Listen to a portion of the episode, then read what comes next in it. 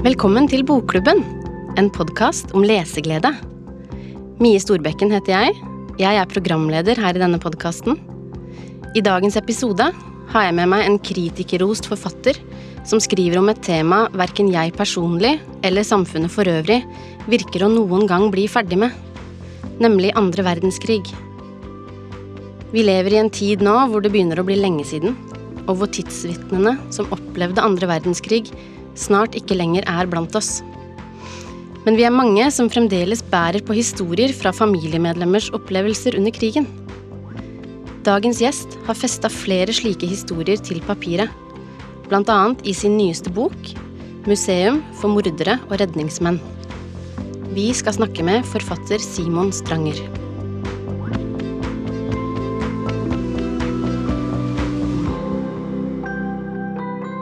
Velkommen til deg, Simon Stranger. Tusen takk.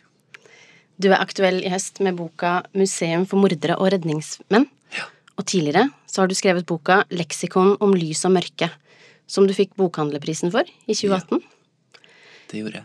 Begge disse bøkene tar for seg historier fra andre verdenskrig.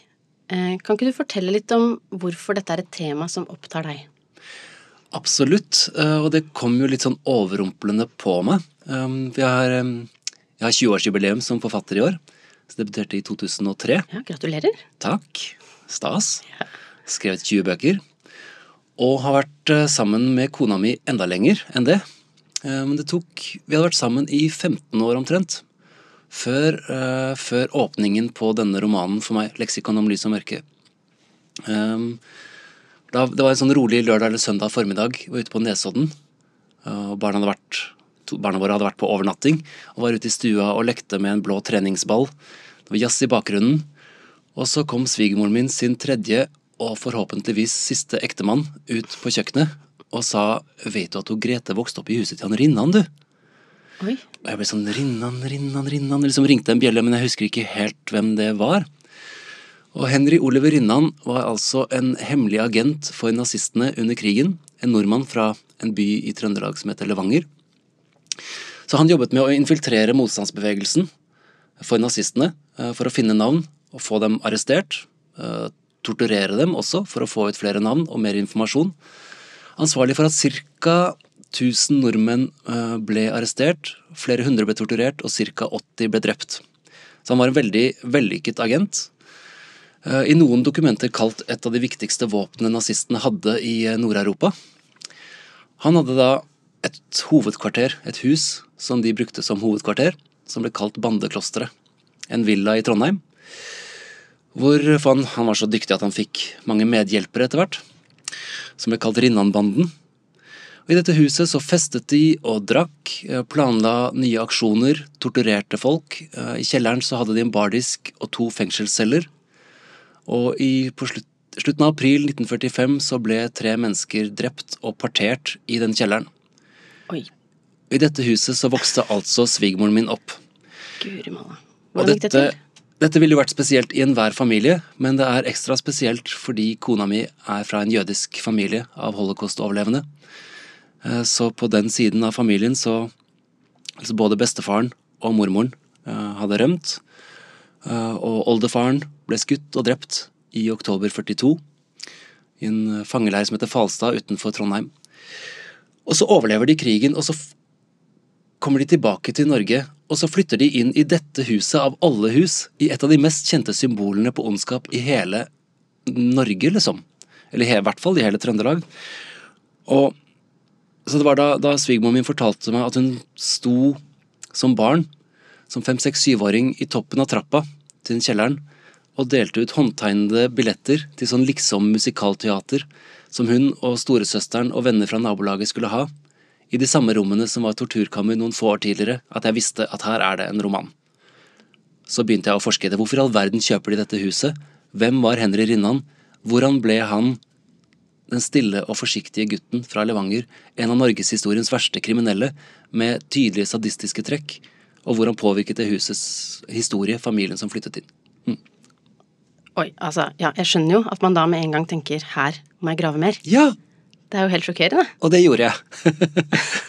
så da um, gravde jeg mer og, og hele prosessen med å skrive romanen var på en måte å undersøke disse spørsmålene og forsøke å gi romanform og gi svar. da. Så i boka så skriv, forsøker jeg å skrive et portrett av, av Henry Rinnan. Og forsøke å forstå hvordan han har blitt den han har blitt. Så følger han fra barndommen av og til han blir henrettet i 47. Uh, og så følger jeg denne uh, flukten til min kones familie, uh, og hvordan det er, kan ha vært, da de flyttet inn. For her har jeg nesten ingen skriftlige kilder. På Rinnan har jeg masse kilder, så der er faktisk alle scenene med Rinnan er basert på virkelige historier. Ja. Helt ned til åpningsscenen hvor lillebroren hans går med damestøvletter fra farens skomakerverksted og blir ertet og mobbet for det. Antagelig fordi hans egne sko er ødelagt. Hvor fant du den historien? Eh, I en biografi. Oi, mm. litt spennende. Men fordi nå snakker du om boka 'Leksikon ja. om lys og mørke'. Det gjør jeg. Mm.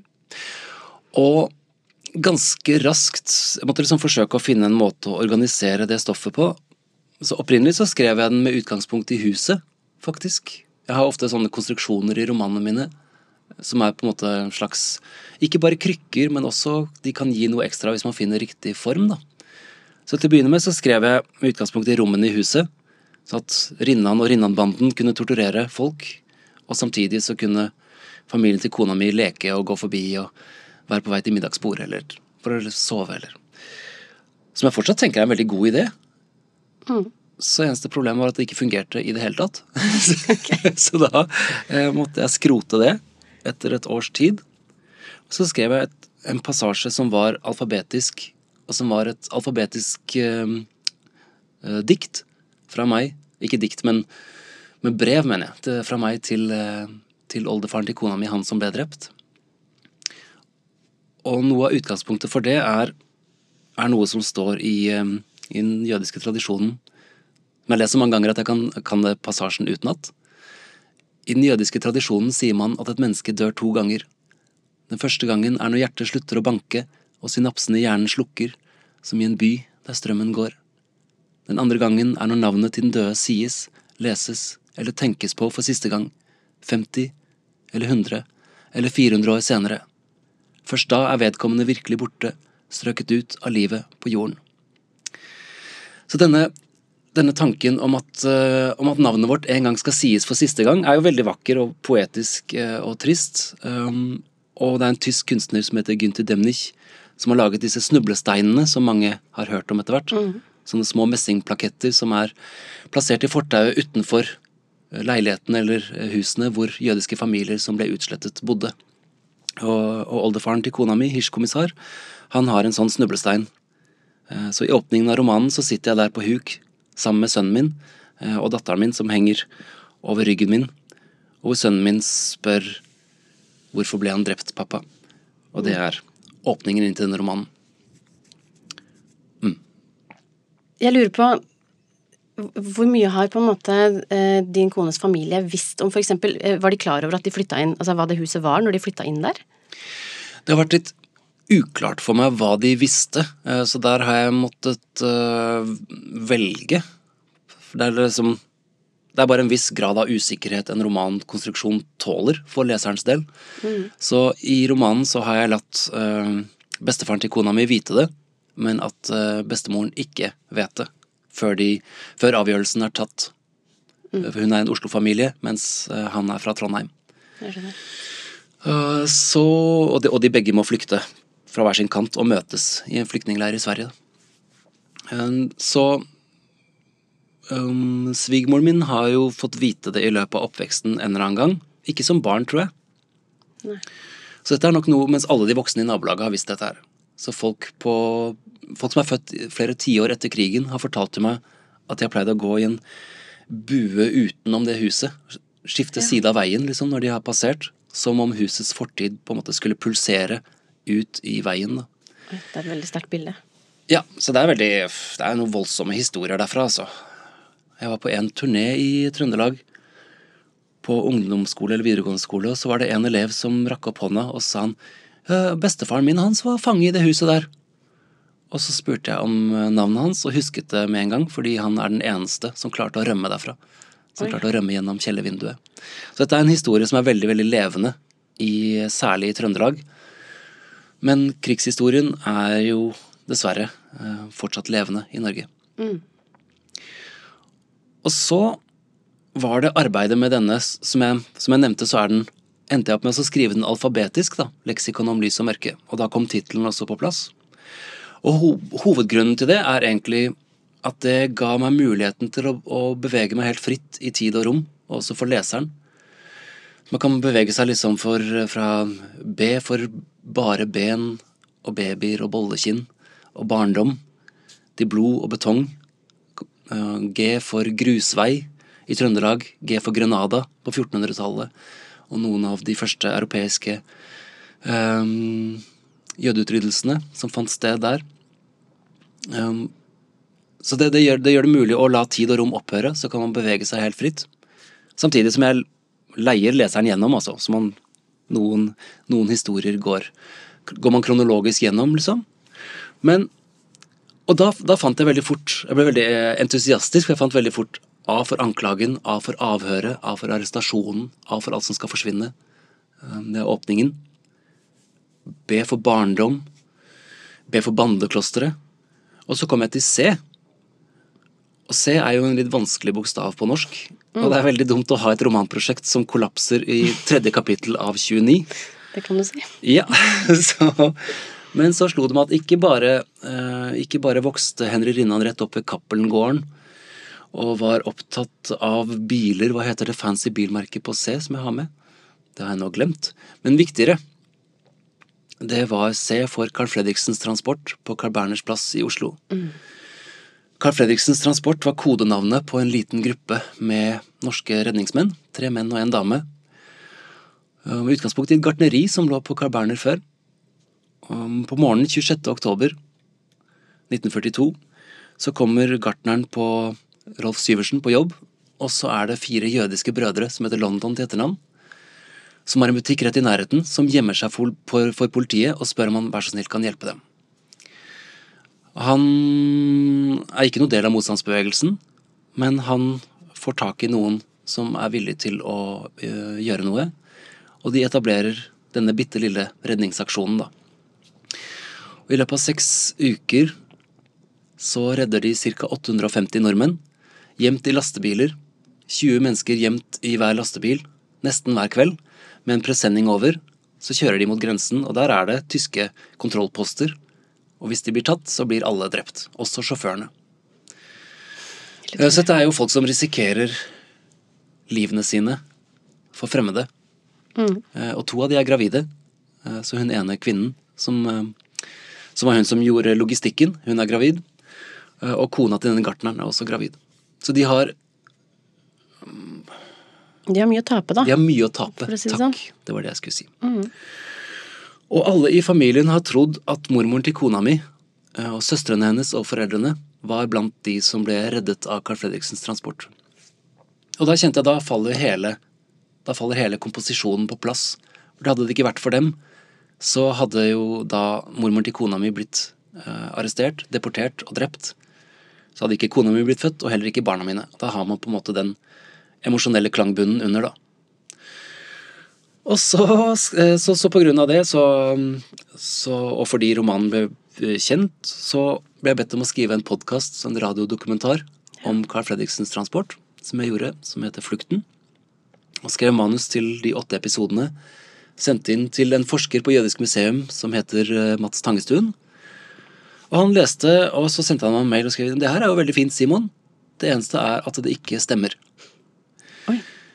Kona di ble ikke reddet av, eller Familien til kona di ble ikke reddet av Carl Fredriksens transport, som dere har trodd, men av en grenselos som heter Peder Pedersen, som fire uker tidligere drepte et jødisk ektepar rett ved grensen sammen med en annen grenselos, stjal alle tingene deres, festet steiner til likene med ståltråd, senket likene i et tjern som heter Skrikerudtjern for sikkerhets skyld, og så fortsatte å redde folk etterpå, deriblant min kones familie. Og jeg bare Er det mulig? Enda en sånn så vill historie rett i fanget. Så jeg begynte å, å gjøre research på det umiddelbart. Eh, og endret så siste episode på den podkasten ble veldig annerledes enn jeg hadde sett for meg. Um, og så begynte jeg å grave i hvem disse grenselosene var. Som er jo da har en, flere forskjellige identiteter, da. Så det er jo både motstandsmenn og helter og redningsmenn, men også mordere, i en ganske kjent sak som het Fellmann-saken. Eh, etter etternavnet til dette jødiske ekteparet som de drepte. Og så fortsatte å redde folk etterpå. Så hvorfor i all verden, hva er det som har skjedd her? Og da blir, litt sånn som i leksikon, så blir oppgaven å forsøke å nøste opp i det, og det blir mesteparten av arbeidet med romanen, egentlig. Mm. Mm. Og, og, dette var helt nytt for din kone, eller dette med Dette var helt nytt for min kone. Mm. Um, og Rikke visste heller ikke at moren hadde vokst opp i bandeklosteret. Det var også nytt for henne. Ja. Men, uh, og dette med, dette med disse grenselosene og denne morderen, da. Det var nytt for, ikke bare for henne, men for hele resten av familien. Og grunnen til at Mats Tangestuen kunne si dette så sikkert, var at det ligger eh, intervjuer som politi, avhør som politiet gjorde med han eh, og med andre i slekta, fordi de var vitner. Ja, så de var vitner i rettssaken mm. mot denne Peder? Ja. Mm. Dette skriver du jo om da i den nye boka 'Museum for mordere og redningsmenn'. Og der har du også brukt et sånt fortellergrep eh, som ligner litt på det i den leksikonen leksikon om lys og mørke. Mm. Kan du fortelle litt om det? Gjerne. Så denne romanen er utformet som et, som et imaginært museum, fylt med gjenstander fotografier, objekter, og også minner og steder. Og grunnen, så det er, et, det er, et, museum som ville vært umulig å lage, men som man kan gå inn i som leser. da. Så det er også masse fotografier i denne boka. Og hovedgrunnen til det er at jeg begynte å gjøre research og dro opp på Riksarkivet, som ligger oppe ved Sognsvann. Hvor vår felles hukommelse ligger skjult bak et krania av stein inne i fjellet der. Mange etasjer ned i bakken så ligger arkivene. Det er et arkiv som bare består av originaler. Så det som det fins flere av, det er det andre steder. Mens her er alle originalene. Originaldokumentene. Kosebamsene som ble lagt utenfor uh, domkirken etter 22. juli. De ligger der i kasser. Uh, og så videre. Så jeg begynte å lete der og gå gjennom dokumentene fra For det ble en rettssak mot disse grenselosene til slutt. Uh, så så jeg en del fysiske objekter også, og fikk liksom frysninger da jeg åpnet en konvolutt hvor det sto ringledningen som ble funnet eh, rundt Rakel Fellmanns lik. Eh, og, kunne kjenne med fingrene at det var noe fysisk inni, og åpne konvolutten, og inni så er denne fysiske ståltråden med sånn tynt stoff rundt. Opprinnelig en slags sånn telefonledning som, eh, som tyskerne brukte ute i feltarbeid. Hvis de skulle telegrafere eller telefonere til hverandre, så kunne man strekke den liksom mellom to baser. Så, så den ligger der i en konvolutt? Den, den, ligger der i en konvolutt. Og den der følelsen av at dette her er den fast, faktisk fysiske tråden. Um, og så i tillegg til alle fotografiene jeg fant, um, og ikke minst, og egentlig viktigere, at dette her også er en roman om den fysiske delen av folkemordet. Så hvordan familier fikk alle eiendelene sine konfiskert. Eh, så for kona mi sin del, da, så har jeg intervjuet en gammel slektning av henne som heter Astrid. Lille-Astrid, som nå er 90 år gammel. Som fortsatt husker hun vokste opp hos bestefaren sin. Ble, moren ble skilt, og så flyttet de tilbake til barndomshjemmet. da. Så hun bodde der under krigen. Og hun kan huske hvordan i september 42 så kom plutselig tre nazister på døra, snakket tysk, eh, og sa at fra nå av så var husets, huset var deres, statens eiendom, og alt det de eide, var statens eiendom, og at de hadde en time på seg på å pakke og komme seg ut derfra. Og hun beskriver det veldig vakkert. Eh, hun beskriver også at, at noe av det som gjorde mest inntrykk på henne, var at hun ikke fikk ta med seg sykkelen hun fylte syv år i juni det året. Og at den skinnende, blanke, nye sykkelen, eh, den måtte stå igjen. Og så må de kjøre eh, bil opp til et sted i Gudbrandsdalen, hvor de ligger i dekning resten av krigen. Men det som ikke har vært kjent i det hele tatt i familien til kona mi, er at det samme skjedde med mormoren sin, sitt barndomshjem. Og det syns jeg sier så mye om den stillheten som andre verdenskrig er kapslet inn i i mange familier. Hvor smertefullt det er å åpne opp for disse minnene og gå inn i dem igjen. Hvor mye, hvor mye tap og redsel det er snakk om i disse minnene. Eh, Så Ellen het mormoren til kona mi. Um, Oslo-familie. Etter nazistenes definisjon så var hun kvartjøde. Eh, Så moren hennes var fra Nord-Norge, og bestemoren var norsk-svensk, ikke jødisk. Um, så de, de gikk på i utgangspunktet klar av, av jødeforfølgelsene, før dette stadig ble strammet mer og mer inn, da. Men barndomshjemmet hennes ble også i september tatt av nazistene. Hun var 18 år gammel, akkurat ferdig på Ullern videregående, for de som bor i Oslo. Um, hun var fra en, en, en overklassefamilie, rett og slett. Så besteforeldrene hennes de startet en tobakksfabrikk. Først i det veldig små på Grünerløkka, en liten tobakkskiosk. Og klarte å gjøre det såpass bra at de startet en eh, tobakksfabrikk i Torgata, hvis man er lokalkjent, som hvor det var over 150 ansatte. De omsatte for det som i vår tids penger ville vært mange millioner i året. Mange, mange titalls millioner i året. Så en veldig vellykket eh, bedrift. Så mormor til kona mi var tvillingsøster. Og på bilder så kan man se at hun og tvillingsøsteren har identiske klær. Så de hadde egne skreddere som sydde høstkolleksjonen og vårkolleksjonen osv. De hadde sjåfører. Og da altså en flott enebolig rett bak Frognerparken, som bare ble tatt fra den ene dagen til den andre. Beskjeden om at de må bare pakke sammen, komme seg ut. Ikke lov å ta med noen verdisaker. Det er helt uh, forferdelig å høre om. Ja, så, og det var det ingen som visste, og det har de ikke fortalt om, før jeg på Riksarkivet kunne finne inventarlisten på tysk uh, over alle møblene. Uh, Som ble konfiskert. Ja, alt det som var i huset. Og der, der ble det konfiskert i den forstand at det flyttet inn en høytstående nazist. Det samme gjorde det i, i den andre villaen på Nordstrand, hvor jeg fortalte om med hun med sykkelen.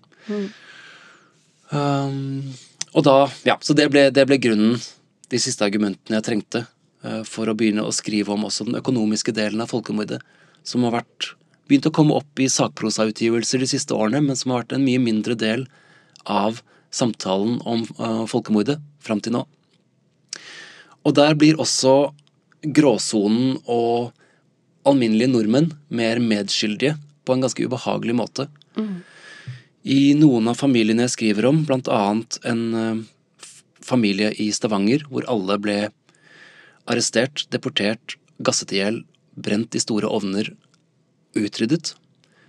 Eh, Noen dager etter eh, arrestasjonen, og dette var en familie med, også med barn, så ble det holdt en auksjon annonsert i avisen for såkalt jødebo. Og for å gjøre det enklere, så, kunne man, så ble auksjonen holdt inne i leiligheten deres i Stavanger. Så da kunne folk komme eh, inn i leiligheten, sånn som den sto da familien forlot den, Det er helt uh... mens de er på vei til Ja. å bli gasset i hjel. Så kan man komme inn og så kan man si 'oi, det var et fint servise'. Disse tallerkenene her vil jeg kjøpe. Eller 'denne duken var jo fin, den vil jeg kjøpe'. Og så blir det, det, gir folk bud, og så blir alt ribbet vekk. Eh, I løpet av noen få dager, da, så er ikke bare de fysiske kroppene deres forsvunnet, men alle gjenstandene de hadde, også borte. sporet etter livet Ja, totalt utradert. Så hele scenografien for deres tilværelse, som, som jeg forsøker å, å, å vise fram, da. Hvordan de, de tingene som vi omgir oss med, med så stor selvfølgelighet, er, er på en måte den fysiske rammen rundt livene våre. At alt, også dette blir tatt, da. Mm. Så det er, en, det er en litt brutal roman. Ja, absolutt. Jeg tenker at vi er nødt til å sirkle tilbake til um, denne historien om uh, Rakel og Jacob Feldman. Enig. Uh, dette ekteparet som fløt opp av et tjern. Mm. Uh, når var det? De fløt opp i mai 1943. Ja. Eh, Så de ble drept i slutten av oktober. Mm. Um, faktisk dagen etter at alle mannlige jøder over 15 ble arrestert. ja. Eh, Så er det disse to grenselosene som skal følge dem. Og jeg tror jeg kan prøve å gi en litt sånn ramme rundt, fordi deres historie og sønnen deres sin historie blir ufrivillig begynnelsen på det norske folkemordet. Og det syns jeg var veldig interessant å lese om. Eh, Så Rakel og Jakob Fellmann de er i 50-årene et sted. Jacob Jakob kommer fra Kiev, som gir litt ubehagelige konnotasjoner i vår tid. Eh, Samme gjorde oldefaren til kona mi. Også flyktet fra, fra pogromer, fra jødeforfølgelse i Øst-Europa på den tiden. Eh, I en tid hvor den delen av Ukraina var tatt av russerne. De kommer seg til Norge. Til trygge, fine Norge. eh, Og det samme gjør Nina, eh, som er søsteren til eh, Rakel. Så det er Rakel og Jakob Fellmann som dette handler om. Eh, Jeg prøvde å tenke på to ting samtidig, det går jo veldig dårlig. Så Rakel og Jakob Fellmann heter de. De driver en butikk. Først én butikk rett ved Youngstorget, og så en, en til, siden det går så bra. To klesbutikker. Hvor det er barbersalong på bakrommet. Og så har de en adoptivsønn som heter Herman. Eh, Og de kan ikke få barn selv. Herman er i begynnelsen av 20-årene. Han er et tennistalent. Øver på Grefsen tennisklubb, samme tennisklubben som sønnen min spilte på. Og så i september 1942 så mister de huset, og de er heljøder. Um, så de og Jakob har allerede vært arrestert en gang av politiet og sittet en periode i en fangeleir og sluppet fri igjen. De bestemmer seg for å flykte til Sverige. Dette er før massearrestasjonene. Så 22. oktober 1942 så setter Herman Fellmann seg på toget fra Oslo sentralbanestasjon eh, mot Halden sammen med en venn eh, og sammen med en grenselos som heter Karsten. Han har nesten en årslønn i kontanter på innerlomma. De skal kjøre toget til en stasjon rett utenfor Halden, bli hentet av eh, broren til Karsten, som heter Håkon, og skal de ros over det smale sundet som er over grensen eh, til Sverige. Veldig mye smalere enn det jeg trodde, den grensen ute ved Halden. Da er man rett ved Sverige. Og dette har Karsten gjort mange ganger før. Toget kjører ut fra stasjonen. Um, det er ettermiddag, oktober, mørkt, det regner.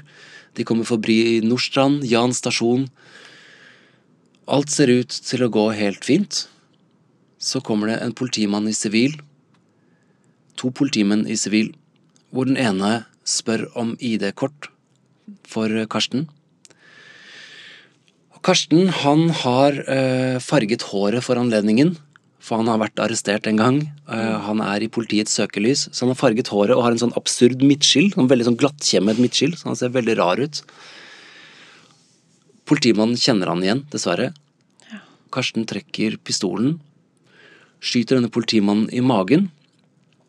Eh, Den andre politimannen løper gjennom toget for å varsle. Og Karsten sier at de må hoppe av toget i fart. Så dette er en ekstremt sånn spenningsfylt eh, situasjon. eh, som også er med i romanen, naturligvis. Så Karsten hopper av.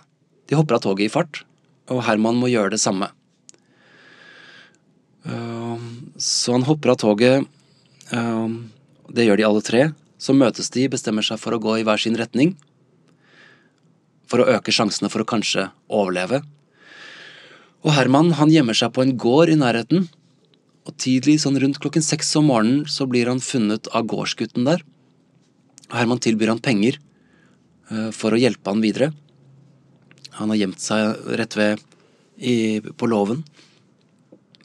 Og gårdsgutten sier at han skal hjelpe til, men varsler politiet, så Herman blir arrestert.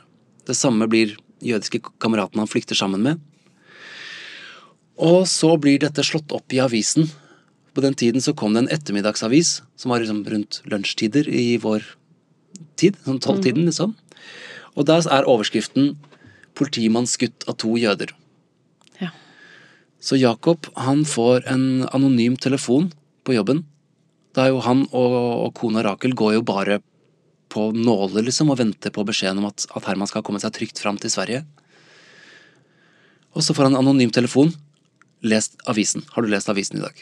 Så han løper til nærmeste aviskiosk, ser denne overskriften, hvor Herman står med fullt navn. Um, at han er ansvarlig for å ha skutt en politimann, som er feil. Og han og Rakel skjønner at de må jo bare flykte med en gang. De må flykte sånn som de står og går. De tømmer kassaapparatene fra butikken og tømmer safen og så tar de eh, en buss rett ut av Oslo. I det de står og går i. I det de står og går i. Han i dress og hun i vanlige byklær, liksom. Og det eneste stedet de tenker at de kan dra til, det er Karsten sin familie.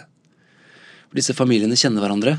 Karsten er fra en gård i grensetraktene, eh, og han har jobbet med å, å han har solgt pels til dem, som er brukt i klesproduksjon, og de har byttet klær mot kjøtt og grønnsaker under krigen. Så disse familiene kjenner hverandre. Eh, og det er Håkon, broren til Karsten, som skulle ro Herman videre.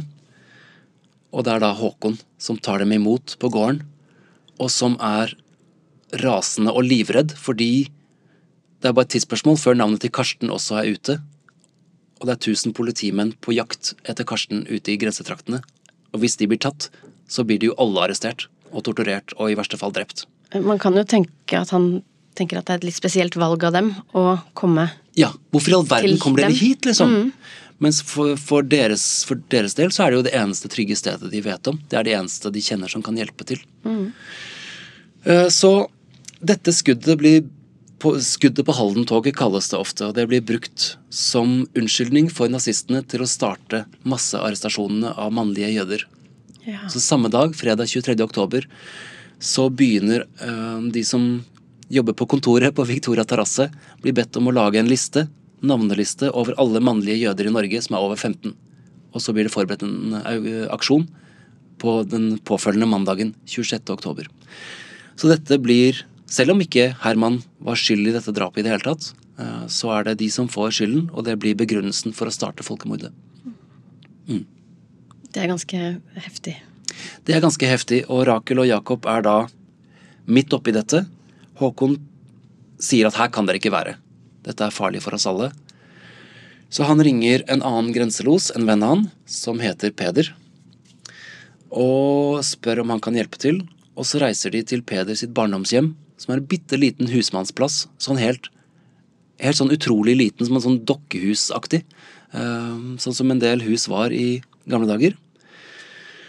Og der ligger de i skjul, Håkon og Peder og Rakel og Jakob og foreldrene til Peder, i fire intense dager hvor ting bare går verre og verre. Eh, Så ganske snart så får Håkon vite at lillebroren hans er arrestert, og faren hans er arrestert. Karsten, er, andrebroren andre broren hans, er på flukt, og så blir han også tatt. Og så bestemmer de seg for Og så får de faktisk også vite at alle mannlige jøder er arrestert. Og så bestemmer de seg for å ta livet av, av dette ekteparet som de har lovet å redde. Eh, Du beskriver ganske sånn eh, levende det som foregår de dagene hvor de eh, oppholder seg i det huset. Ja. Eh, kranglingen mellom det ekteparet, eh, og på en måte eh, Altså Peder og denne Håkon, de syns at de er litt slitsomme. Mm. Eh, det, hvor mye av det har du funnet på selv, og hvor mye har du funnet i kildene dine? Det er fra kilder, så det blir både av foreldrene til Peder, som bor der sammen med dem i disse fire døgnene, og av Håkon og Peder, så blir de, så blir de beskrevet som vanskelige øh, og hysteriske, særlig Rakel, at hun gråter masse. Roper mye, at de krangler mye også, dette paret. Så Men selvfølgelig, dette her er jo um, Dette er jo vitnesbyrdene til mennesker som har alt å vinne på å fremstille Rakel og Jakob som så vanskelige som overhodet mulig. Eh, Så det skriver jeg også. Men jeg føler at jeg kan lese litt mellom, eller, mellom linjene i andre dokumenter at det er en mulig skilsmisse som ligger i lufta mellom de to. Uh, Han Jakob har et, et kontor hvor han innimellom overnatter, og det er en nabo som forteller at det er litt sånn konflikter mellom dem. Og nå, Jeg hadde lanseringsfest nå nylig. Så kom det altså et ektepar bort til meg, Eh, eldre ektepar, som trodde at de var Jakob sine uekte barn fra et eh, elskerinneforhold, da. Fra et forhold utenom ekteskapet. Eh, to tvillinger. Men eh, ikke eneggede, en mann og en dame. Så jeg bare er det. På lanseringsfesten min for denne romanen. Men, så, så, jeg, tror, jeg tror nok på at de var Det er lett å tro på at de var eh, At de kranglet, og i hvert fall at, at Rakel gråter mye. Hun har mistet sin eneste sønn. Hun vet at mens de sitter der, så blir han etter all sannsynlighet så blir han torturert. På det mest grusomme. Eh, og han kommer til å bli drept. Det kan hun også være ganske sikker på. Og hele livsverket deres, det de har bygget opp over flere tiår, det blir bare tatt. Er borte på et knips, liksom. Så er begge butikkene, huset deres, hele livet deres er bare forsvinner. Og de har ingenting igjen, da. Så det er, ikke, det er ikke vanskelig å forstå at hun er desperat, og hun er også livredd for å bli tatt selv. Og vente, Hvorfor i all verden skal de vente inne i denne stusslige hytta mens politiet jakter på dem? Kan de ikke for helvete komme seg av gårde, liksom? Det kan jeg også godt forstå. Jeg syns heller ikke det er vanskelig å sympatisere med, den, eh, med det. Nei, Så jeg forsøker å beskrive begge sidene og leve meg inn i hodene til både Peder og Håkon, men også Jakob og Rakel, da. Og beskrive hvordan, hvordan forholdet mellom dem bare surner. Hvordan det som er redsel fra den ene, blir tolket som utakknemlighet fra den andre, mm. og så videre. Du skriver jo også eh, hvordan det senere kommer eh, opp i dagen at det har vært fluktruter som har vært i bruk i samme tidsrom. Ja. Eh, og at det kanskje kunne vært mulig for dem å eh, få dem over grensa. Ja, fordi han ene fra Carl Fredriksens Transport som jeg snakket om i dag, da. eh, Det var bare én av disse fire som alltid var med på transportene. En tidligere politimann. Eh, Og han reddet disse fire brødrene fra gartneriet.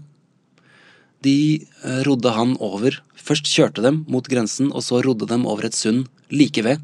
Samme dag som Fellmann-paret ble drept. Ja. Så han er med å vitne i eh, rettssaken. Fordi det som skjer videre, for å avslutte med dem, med Fellmann, da, er at i mai 43 så flyter først Jacob Fellmann opp. Til tross for at det er bundet steiner rundt han, så er det forråtnelsesprosessen i kroppen Han gjør kroppen om til en ballong da, som flyter til overflaten. Han blir funnet. Ingen vet hvem han er. En uke senere så flyter liket av en middelaldrende dame opp. Uten sko. Eh, Og ingen vet hvem hun er heller. Og så er det gjennom skoene til Jacob, eh, som er spesialsydde sko, at man finner ut hvem det er. Men man vet ikke hvem som er morderne. Og det er verdenskrig, liksom. Og alle Ja. norske jøder skal uansett deporteres. Så det er først i 1947 at en ny politimann tar på seg saken, um, og gjennom vitneavhør av overlevende jøder Deriblant en ekskjæreste til en uh, i Hermans familie, for hans, hele hans storfamilie uh, ble også utryddet. Også lillebroren hans, som var syv, tror jeg. Um, de blir alle drept. Så, så det er først i 47 at, eh, at dette kommer opp, og at de to grenselosene, Håkon og Peder, til slutt blir stilt til ansvar. For da nøstes det opp i uh, Hvordan går det til at de finner igjen disse to navnene tilknyttet den saken? Det starter fordi det er en eh, kjæresten til ene broren til Herman som er på en gård uh, på Østlandet i dekning sammen med mange andre flyktninger på vei for å bli uh, tatt videre over grensen. Så kommer det en litt sånn shabby utseende mann som lukter bål og som ser ut som han har vært ute i skauen en stund. Som løfter fram et gullur. Og det er et sånn spesielt gullur fordi det har en melodi som den spiller hver hele time, tror jeg. Og hun kjenner igjen gulluret fordi noen få dager tidligere så var Rakel og Jakob innom søsteren til Rakel for å si ha det. De bodde rett utenfor Lillestrøm, og der var denne kjæresten. Hun var der og så dem, og kjente igjen klokka til Jakob, som han hadde i vestlommen sin. Eh, og gjennom det så finner, hun, finner politimannen ut hvem denne grenselosen var, arresterer han, og da innrømmer han det med det samme, og hvem som var partneren også. Det er helt utrolig så tilfeldig, Ja. og, og på en måte uflaks for han. Ja, de hadde nok håpet på å bare gå fri. ikke sant? Da har det jo Ja. gått to år siden, eh, siden freden, da. Mm. Og de er jo i gang med nye liv og kjærester og jobb og alt sånt. Mm. Men så blir det rettssak, men så frikjennes de.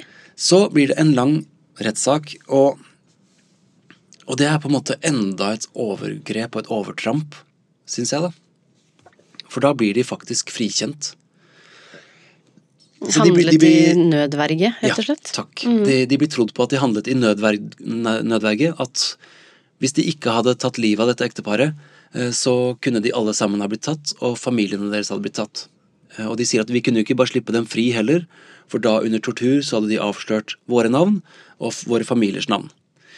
Men dette er på en måte Dette er det de allerede har begitt seg ut på som grenseloser. Det er den kostnaden de allerede har måttet ta på seg som motstandsmenn og grenseloser. Så det er jo ikke noe nytt. Eh, Og at det var umulig å redde dem over, det viser jo eh, Carl Fredriksens transport og denne politimannen som redder fire jøder samme dag. Han viser jo at dette, mulig. det var mulig. Eh, og han argumenterer jo veldig sterkt for eh, at det hadde vært mulig. Og jeg har med en scene i boka som også er reell, hvor de er på en rekonstruksjon og er oppe ved Skrikerudtjern. Så er det en ku som holder på å drukne i tjernet. Hvor eh, denne politimannen Alf Pettersen da, og en, eh, en annen går ute i vannet mens de to morderne står og ser på, og klarer å få løs den kua og får henne opp på, på bredden, hvorpå en av politimennene sier tørt det er tydeligvis mulig å redde liv ved Skrikerudtjern også. Så det, det hadde vært mulig, viser eh, fakta, bare. Og, og som andre norske jøder da spør Ville disse blitt frikjent hvis det var et alminnelig norsk ektepar som ble drept? Eh, og jeg, jeg tenker som henne at svaret er nei. Eh, At de ville ikke blitt myrdet hvis dette var et advokatpar fra Stabekk, liksom. Det tror jeg faktisk ikke. Eh, Da ville de ha forsøkt mye mer eh, for å få dem over. Det er, det er fortsatt ikke lov å ta livet av folk fordi man syns de er irriterende. Ikke sant? Det er faktisk ikke innafor. uh, så det eneste de blir dømt for, er underslag.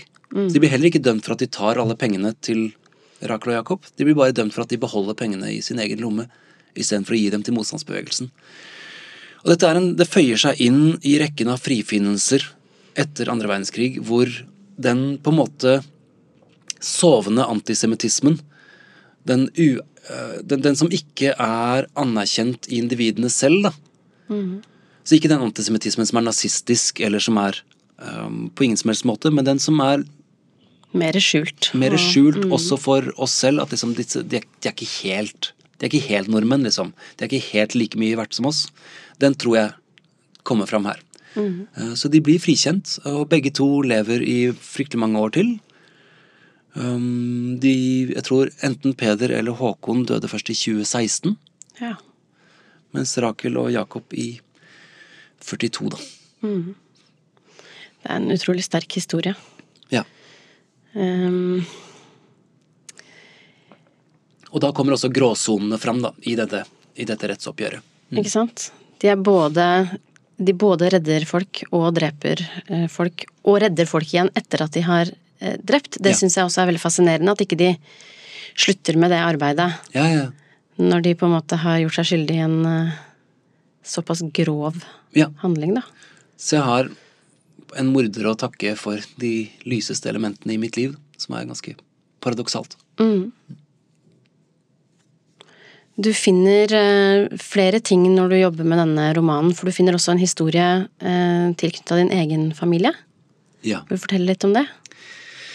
Ubehagelig nok så gjør jeg det. Um, jeg synes siden, jeg, begynte å bevege meg inn i det som som ikke bare er som svart-hvitt-bilde av krigen, det som ikke bare er Max Manus eh, og Quisling, liksom, men gråsonen imellom, som disse morderne og redningsmennene er, da, så har jeg hørt mumlet noe om en landssvikssak mot oldefaren min uh, gjennom oppveksten, men at han ble frikjent pga. manglende bevis.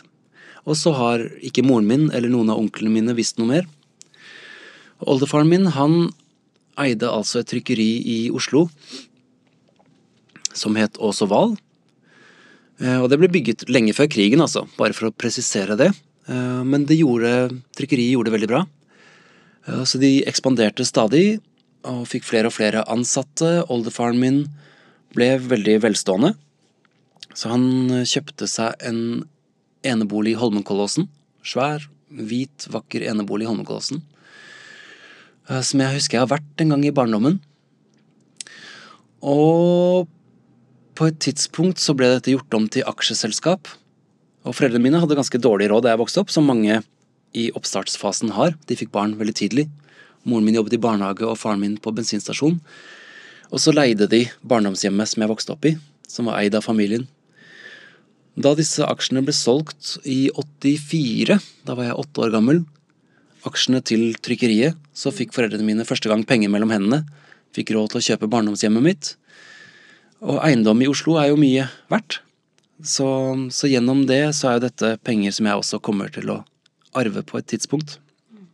Så jeg dro til Riksarkivet, og så ba jeg om innsyn i Landsvik-saken mot oldefaren min.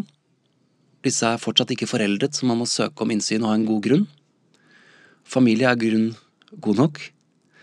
Det er altså 92 200 tror jeg, Landsvik-saker eh, som ble fremlagt rett etter krigen, og oldefaren min var en av dem. Og Da jeg, da jeg dykket inn i Fellmannssaken, så det, kom de trillende med én kartong. Så en sånn tjukk, bred, brun kartong av papp, med, som tettpakket med dokumenter, altså, men fortsatt bare én en um, sånn boks. Så bestilte jeg oldefaren min sine dokumenter, og så kommer de trillende med en hel tralle stappfull med sånne kasser. Og det, det, som jeg tenkte bare skulle være en rask sånn slutten av arbeidsdagen på Riksarkivet, ble jo til at jeg måtte komme tilbake igjen dag etter dag for å gå gjennom disse hundrevis av, eller tusenvis av dokumenter. Hvor det viser seg da at uh, oldefaren min sitt trykkeri trykket noe av den verste nazipropagandaen som ble laget under krigen. Blant annet et magasin som het Umenneske, som jeg også måtte søke innsyn i Nasjonalbiblioteket for å få se originalen av. Som jeg har tatt bilder av, som er med i boka. Mm. Hvor man, Det er litt sånn i A3-format, som et sånn stort, flott helgemagasin, liksom. Eh, teksten er anonym. Magasinet ble gitt ut på eh, ni forskjellige språk, så dette er den norske oversettelsen. Og da på, på venstre side, på hele, dobbelt, på hele, oppslaget der, så ser man umenneske. Da ser man uh, østeuropeiske jøder portrettert sånn at de ser fattige og kjipe ut. Uh, og på høyresiden så ser man arisk flott ungdom. Liksom. Uh, norske barn som leker med, i vannkanten med spade og bøtte. Tyske unge kvinner i singletter som trener. Og så er det antisemittisk propaganda om umennesket, om hvordan, om hvordan det ikke fins én menneskehet, men at det fins en underklasse av mennesker som hele tiden forsøker å forpurre og ødelegge for det rene, og som bare vil det onde, på en måte. Eneste som det er en navneavsender på, er Heinrich, Heinrich Himmler, som har i åpningen hvor han sammenligner kampen mot jødene med kampen mot pestbasillene. Ja. Så det er den kampen vi må, må utrydde jødene for å få et friskt samfunn. Dette trykket oldefaren min sitt trykkeri i 100 000 eksemplarer, som ble delt ut gratis i august 1942, noen få måneder før massearrestasjonene og deportasjonene av jøder. 26. november 1942 ble alle norske jøder, barn, kvinner, babyer, gamle, syke, alle, eh, deportert. Ved ankomst til Auschwitz ble alle kvinner og barn og eldre automatisk tatt i én side, ført direkte i gasskammeret. Uh, yngste norske offeret tror jeg var fire måneder gammel. Hvor det også da står i listen så står det arrestert, og så står det navnet hans, og så står det fire måneder. Hva i helvete kan en fire måneder gammelt barn ha gjort for å bli arrestert? I hvert fall. Så Og så, det, og så har oldefaren min da trykket masse annen, også nazipropaganda. Uh, så veldig satt på spissen så har min familie tjent penger på propagandaen som hadde som hensikt å forberede folkemordet på min kones familie. Mm. var veldig dypt rystende og ubehagelig lesning, selvfølgelig. Mm. Og så så, så jeg, så jeg, skriver om det og har med dette i romanen og begynner å undersøke dette mer. Og har med um, oldefaren min også som en romanfigur. da. Uh, uten at jeg skal gå langt inn i det, så er arkitekten som har tegnet dette trykkeriet i Oslo sentrum, heter Odd Nansen og er uh, også en sånn samlingsfigur i denne romanen. Odd Nansen ble tatt til fange og sendt på et fangeskip til Nord-Norge for å gjøre straffarbeid sammen med Hish kommissar, som er oldefaren til kona mi. Eh, og han beskriver hvordan andre nordmenn på fangeskipet er så ufine og antisemittiske mot den oldefaren til kona mi. da. Som om de ikke har lært noe. Som om nazismens tankegods også har influert dem. da. Hva er det vi kjemper for da, liksom? Men han, Odd Nansen han havner også i Sachsenhausen fangeleir, sammen med Peder Pedersen, denne morderen fra Fellmannssaken. Så han er også en sånn samlende figur. Og jeg trodde ikke mine egne øyne da jeg fant ut at han også hadde tegnet eh, trykkeriet til oldefaren min, som ble åpnet i 38. Det siste trykkeriet, da. Eh, så at de må ha møtt hverandre mange ganger og planlagt hvordan trykkeriet skulle se ut, osv. Men så jeg har med, har med oldefaren min også som romanfigur. eh, og undersøker hvorfor han gjør det her. Og så kjenner jeg jo på trangen til å, å komme til unnsetning, liksom, og forsvare han med en gang. Eh, at han, for det første, at trykkeriet og rikdommen ble etablert flere tiår før krigen. Eh, så det er liksom det viktigste. Det er ikke sånn at han ble rik av krigen. Den velstanden var der fra før. Og så var det ikke han som tok initiativ til å trykke dette. Det var nazistene som tok kontakt med han. Og hva, hva han tenkte om det. Eh, Var han redd for hva som skulle skje hvis han, ble, hvis han nektet, eksempel? Um, det har jeg tenkt på som en mulighet. Han var ikke medlem av NS, Nasjonal Samling, og det var noe av det som raskest førte til Da ble det nesten automatisk dømt, eller automatisk, tror jeg faktisk. Men det var han ikke. Så Men det familien min heller ikke har visst, da, det var at han, han ble ikke bare anklaget, han ble faktisk satt i en fangeleir for landssvikere hele sommeren 45. Ja. Så hvis, hvis, har- hvis han har klart å holde dette skjult for døtrene sine, for sine voksne døtre, bestemoren min da, og tanta mi, så er jo det helt utrolig. Han satt i seks-syv uker, hele sommeren 45, før han ble løslatt. Og hvor formidlen, en annen formildende omstendighet er at det er ca. 8% av den samlede inntekten under krigen som er fra samarbeid med nazistene, mens de 92% ikke er det. Og så hvis jeg skal være slem igjen, så er det jo sånn at det holder jo ikke om du er en snill og grei 92% av tiden. Hvis du myrder et ektepar de siste 8% Så ja. Så, men det er eh, Det var en måte å, å få fram noe som også gjelder Dette gjelder jo ikke bare oldefaren min, men mange norske familier, da. Mm. Jeg kjenner jo at jeg blir veldig grepet av denne biten av historien. Ja. Fordi jeg selv har en lignende historie i min familie. Du har det? Hvor min bestefar var frontkjemper. Ok. Eh, vervet seg selv som eh, ja, dagen før han fylte 18 år. Ja. Og reiste ned i Det var i 1943. Jeg ble sendt til fronten eh, og var der i ni måneders tid. I Før han- Finland, eller? Eh, i, han ble sendt til Leningrad, hvis jeg ikke husker helt feil, først. Oi, oi, oi. Eh, Og så var han nede i det som nå er Latvia og Estland. Ja. Um, ja. Så bestefaren min, han lever eh, enda, og han har skrevet bo- bok om dette. Beskriver han da hva de gjør for noe der, eller? Eh, Hva han er med på? Ja, det gjør han. Eh, han er jo da utplassert helt ved fronten som en sånn utkikkspost Ja. foran fronten, på sett og vis, eh, og gir beskjed til hvor kanonene skal eh, Ja. eh, sikte seg inn.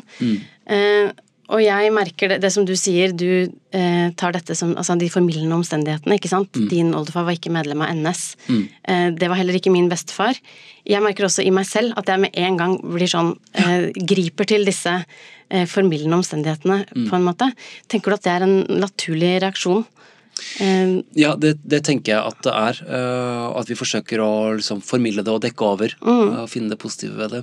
Og det høres ut som, som bestefaren din da har vært i en normal krigssituasjon, da, soldat mot soldat. øh, Fordi mye av det som skjedde i disse samme områdene, er jo rene utryddelser av, av østeuropeiske jøder. Så helt sånn mm. Der starter de med mobile gasskamre og med, med massegraver. Um, men det er en annen sånn innsatsgruppe da, med tyske soldater. Så, så da er han i vanlig Men dette, dette må jo ha preget eh, bestefaren din i veldig stor grad, da. De hadde jo traumer, veldig mange av disse som kom hjem fra frontkjempere, eh, som frontkjempere. ja, han har, forteller veldig lite om det. Det han sier er eh, det var jo ikke noe krisehjelp Nei. når de kom hjem. De måtte i fengsel. Ja. Um, og at det var egentlig det som redda han. at han kom i fengsel. Han- og satt hvor- der det? med, han satt der med, med det han kaller flinke folk, da. Ja. Ikke sant? Og fikk bearbeida med dem på et vis, sikkert. Men også at han fikk utdannelse mens han satt i fengsel. Hvor lenge satt han Og fengslet? det da? eh, ett og et halvt år Ja. eh, cirka. ja, men Det kan nok ha vært veldig bra. Det er jo mange, det er jo mange også frontkjempere som har selvmedisinert seg med alkohol og hatt ganske vanskelig liv etterpå. Mm. Som har sett grusomme ting, liksom. Ja, og min bestefar har klart seg eh, bra, da. eh, Sånn, sånn å forstå. Men han, eh, han var jo overbevist nazist, han. Eller han, han trodde på Min bestefar? Ja. Nei, han var aldri medlem av NS. Eh, og han holder enda fast ved det i dag. Ja. At han på en måte aldri hadde noe med NS å gjøre. Nettopp. At han verva seg for å slåss mot Russland. Ja, mot kommunismen. Ja, mot kommunismen, og at han ikke var klar over at Russland og Norge var allierte på det tidspunktet hvor han Mm. vervet seg, da. Eh, og så er det sånn Og han var 17 år gammel. Dagen før han fylte 18, verva han Mm. seg. Så jeg tenker på Han var veldig ung, Ja. ikke sant? ja, hvem var jeg selv? Liksom, hvem var jeg selv som 18-åring? Så, Ja. Men samtidig, det er, ikke, det, er ikke, det er ikke lett likevel, på en måte. Nei, nei, det er ikke det, men det er viktig å få disse historiene opp i dagen som samfunn, tenker jeg, og i familier, for å kunne begynne å reparere det. Ja, Og fordi Noe av grunnen til at jeg skriver om andre verdenskrig, er jo at dette er jo ikke bare historisk materiale. Ikke sant? Det skulle jeg så gjerne ønske at det hadde vært. At dette var noe vi kunne både skrive om og betrakte med en, en form for som, som noe merksnodig, sånn som vi ser på hekseprosessene i middelalderen. Men dette tankegodset lever jo fortsatt. Ikke sant? Det fortsetter å ta liv. Og disse konspirasjonsteoriene og ideene om den hvite rase, om disse kampene som må gjøres, disse livsfarlige ideene fortsetter å florere på nettet og fortsetter å å infiltrere, infisere, vil jeg faktisk si, nesten som et virus, da. Unge, særlig menns eh, hoder. Og fortsetter å ta liv, senest i Bærum for noen få år siden. Hvor en ung mann dreper stesøsteren sin pga. hudfargen hennes. Ikke sant? Så dette her er, dette er ting vi enda. ikke er ferdig med, og er nødt til å fortsette å jobbe med i oss selv, i våre egne familier og i samfunnet. Derfor er vi ikke ferdig med andre verdenskrig. Og krigen er ikke over, kan man egentlig si. Nå tenker jeg det er eh, på tide å avrunde her. Mm. Men før jeg slipper deg, så vil jeg veldig gjerne høre hva du leser akkurat nå. For jeg er veldig spent på om det er sånn at du også leser innenfor den sjangeren som du skriver i, eh, som jeg har lært nå nylig at heter faction. Mm. Det gjør Nei, jeg er ikke sånn spesielt styrt mot det. Eh, Så akkurat nå, siste boka jeg begynte på, er 'Skammen' av Annie Ernaux. Ja. Eh, franske nobelprisvinneren, som jeg har lest alle bøkene hennes bortsett fra denne. Um, Utrolig sterk åpning. Så den er jo faction i den forstand at hun skriver jo bare om eget liv, egne opplevelser. Veldig sterke bøker. Uh, og så en tysk forfatter som heter Judith Herman holder jeg på med Det er også faktisk en sak Eller hun skriver om eget liv, men i um, Den holder jeg på med. Og så var jeg akkurat i Odda på litteraturfestival, og på veien dit så kjøpte jeg Frode Grytten sin siste roman, så det er en ren roman. Så til spørsmålet ditt, hva leser jeg? Jeg leser uh, mye internasjonal samtidslitteratur, eh, men jeg er ikke knyttet til, til sakprosa eller faction. Um, jeg leser alt mulig, eh, men rom, særlig romaner leser jeg. Internasjonale romaner. Mm. Har du begynt på den eh, til Frode Grytten? Ja, Ja. det har jeg. Hva syns du? Jeg liker den kjempegodt. Ja, en sånn også. rolig sånn ferjemanns eh, avskjed, og så møter man en del av de skikkelsene han har vært ferjemann for, da. Mm. Veldig fin. Og, og skammen av Skammen av Annie Ernaux åpner bare helt brutalt. Åpningssetningen er, er noe sånn som Jeg var tolv år gammel da faren min forsøkte å drepe moren min. Ja. Det tror jeg er første setningen. Eh, Skrevet litt bedre enn det jeg sa det nå etter hukommelsen, men da er man i gang, liksom. Så jeg, jeg leser en god del, og så selvfølgelig mens jeg holder på med romaner, så blir det fryktelig mye research-jobbing. Masse, masse, masse, masse, masse, masse sakprosa og dokumenter og researchreiser eh, og intervjuer. Eh, Så da leser jeg leser mindre enn da jeg var yngre, så leste jeg hele tiden. Jeg var en av de som gikk og leste og leste på bussen. og nå skriver jeg mer enn jeg leser, men jeg leser en god del fortsatt. Jeg kan levende se for meg deg mm. med gående med boka i hånda. Rett inn i liktestolper og sånn. Ja. ja. Ok, Tusen takk for at du kom hit i dag. Tusen takk for meg. Det var ordentlig spennende. Det var veldig fint å være her. Takk.